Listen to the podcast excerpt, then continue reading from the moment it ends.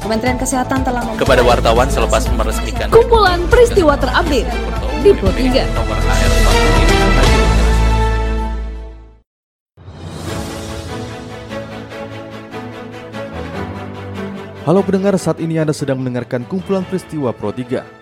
Pada podcast kali ini saya akan mengulas terkait isu-isu aktual yang saat ini masih hangat atau ramai diperbincangkan di sekitar kita. Tentu saja pendengar, nanti akan saya hadirkan cuplikan informasi dari reporter kami. Bersama saya Karisma Rizky, inilah kumpulan peristiwa Pro 3 di ruang dengan podcast Anda. Pendengar, sebelum saya masuk dalam beberapa isu aktual yang akan saya hadirkan sesaat lagi, saya akan mengundang Anda untuk mampir ke laman berita kami di rri.co.id. Anda juga bisa memfollow Instagram, Twitter, dan Facebook kami di @rri_programa3. Baiklah pendengar, inilah kumpulan peristiwa Pro 3. Pendengar Presiden Joko Widodo menegaskan tidak anti kritik. Buktinya beberapa julukan tidak mengenakan disematkan pada diri Presiden Jokowi.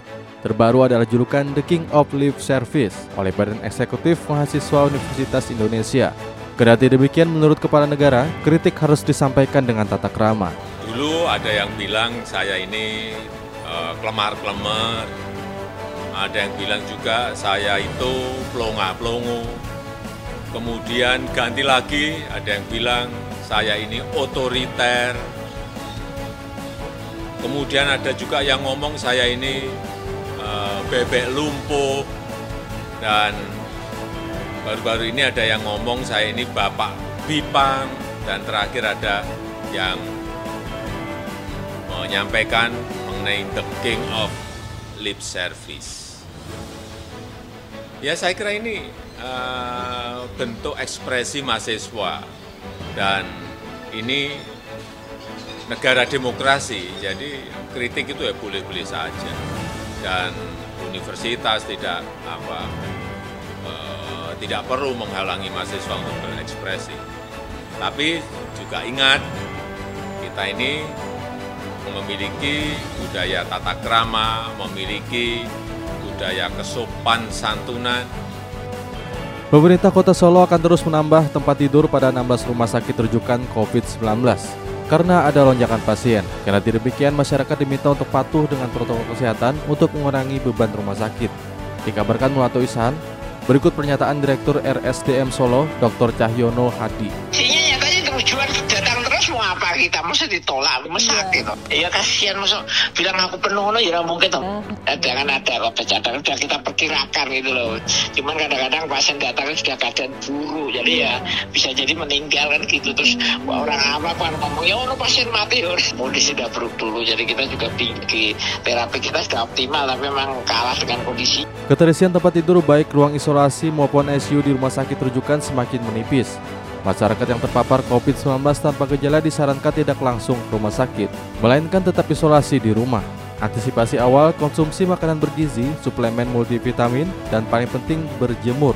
Dilaporkan Muhammad Ramadan, berikut penjelasan guru besar bidang ilmu farmakologi dan farmasi Klinik Universitas Pajajaran Profesor Dr. Kerry Lestari. Kalau tidak ada gejala atau tanpa gejala, isolasi mandiri aja. Kemudian uh, perhatikan temperatur, perhatikan saturasi oksigen. Uh, COVID-19 ini adalah self-limited disease, seperti halnya juga penyakit virus yang lain. Jadi Oke. asal misalkan kita bisa uh, menjaga daya tahan tubuh kita cukup kuat dengan makan makanan yang baik gitu ya batasi Mhm. ataupun juga hindari minum gula kemudian juga uh, apa konsumsi suplemen dan kita juga berjemur ya jam kurang lebih jam 10 cukup 10 sampai 15 menit Insya Allah sekitar 5 atau 7 hari itu kita akan akan recovery karena sifatnya dari self limited disease itu dia bisa eh, tubuh bisa menghandle tanpa adanya terapi khusus.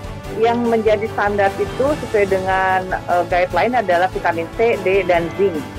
Tetapi kalau orang yang eh, bergejala ringan, sedang, dan berat, nah itu eh, perlu menggunakan obat antivirus dan antibiotik. Tapi penggunaannya itu atau pembeliannya itu harus dengan resep dokter karena antivirus dan antibiotiknya adalah obat keras. Baiklah pendengar, informasi tadi sekaligus mengakhiri perjumpaan kita pada podcast edisi hari ini. Anda juga bisa mendengarkan podcast edisi hari ini di Spotify dengan hanya mengetik Pro 3 RRI di kolom pencarian Anda. Dan pendengar tetaplah menjaga jarak dan ikuti selalu protokol kesehatan. Saya Karisma Rizky, sampai jumpa. Kementerian Kesehatan telah kepada wartawan selepas meresmikan kumpulan peristiwa terupdate di Pro 3. nomor AR 45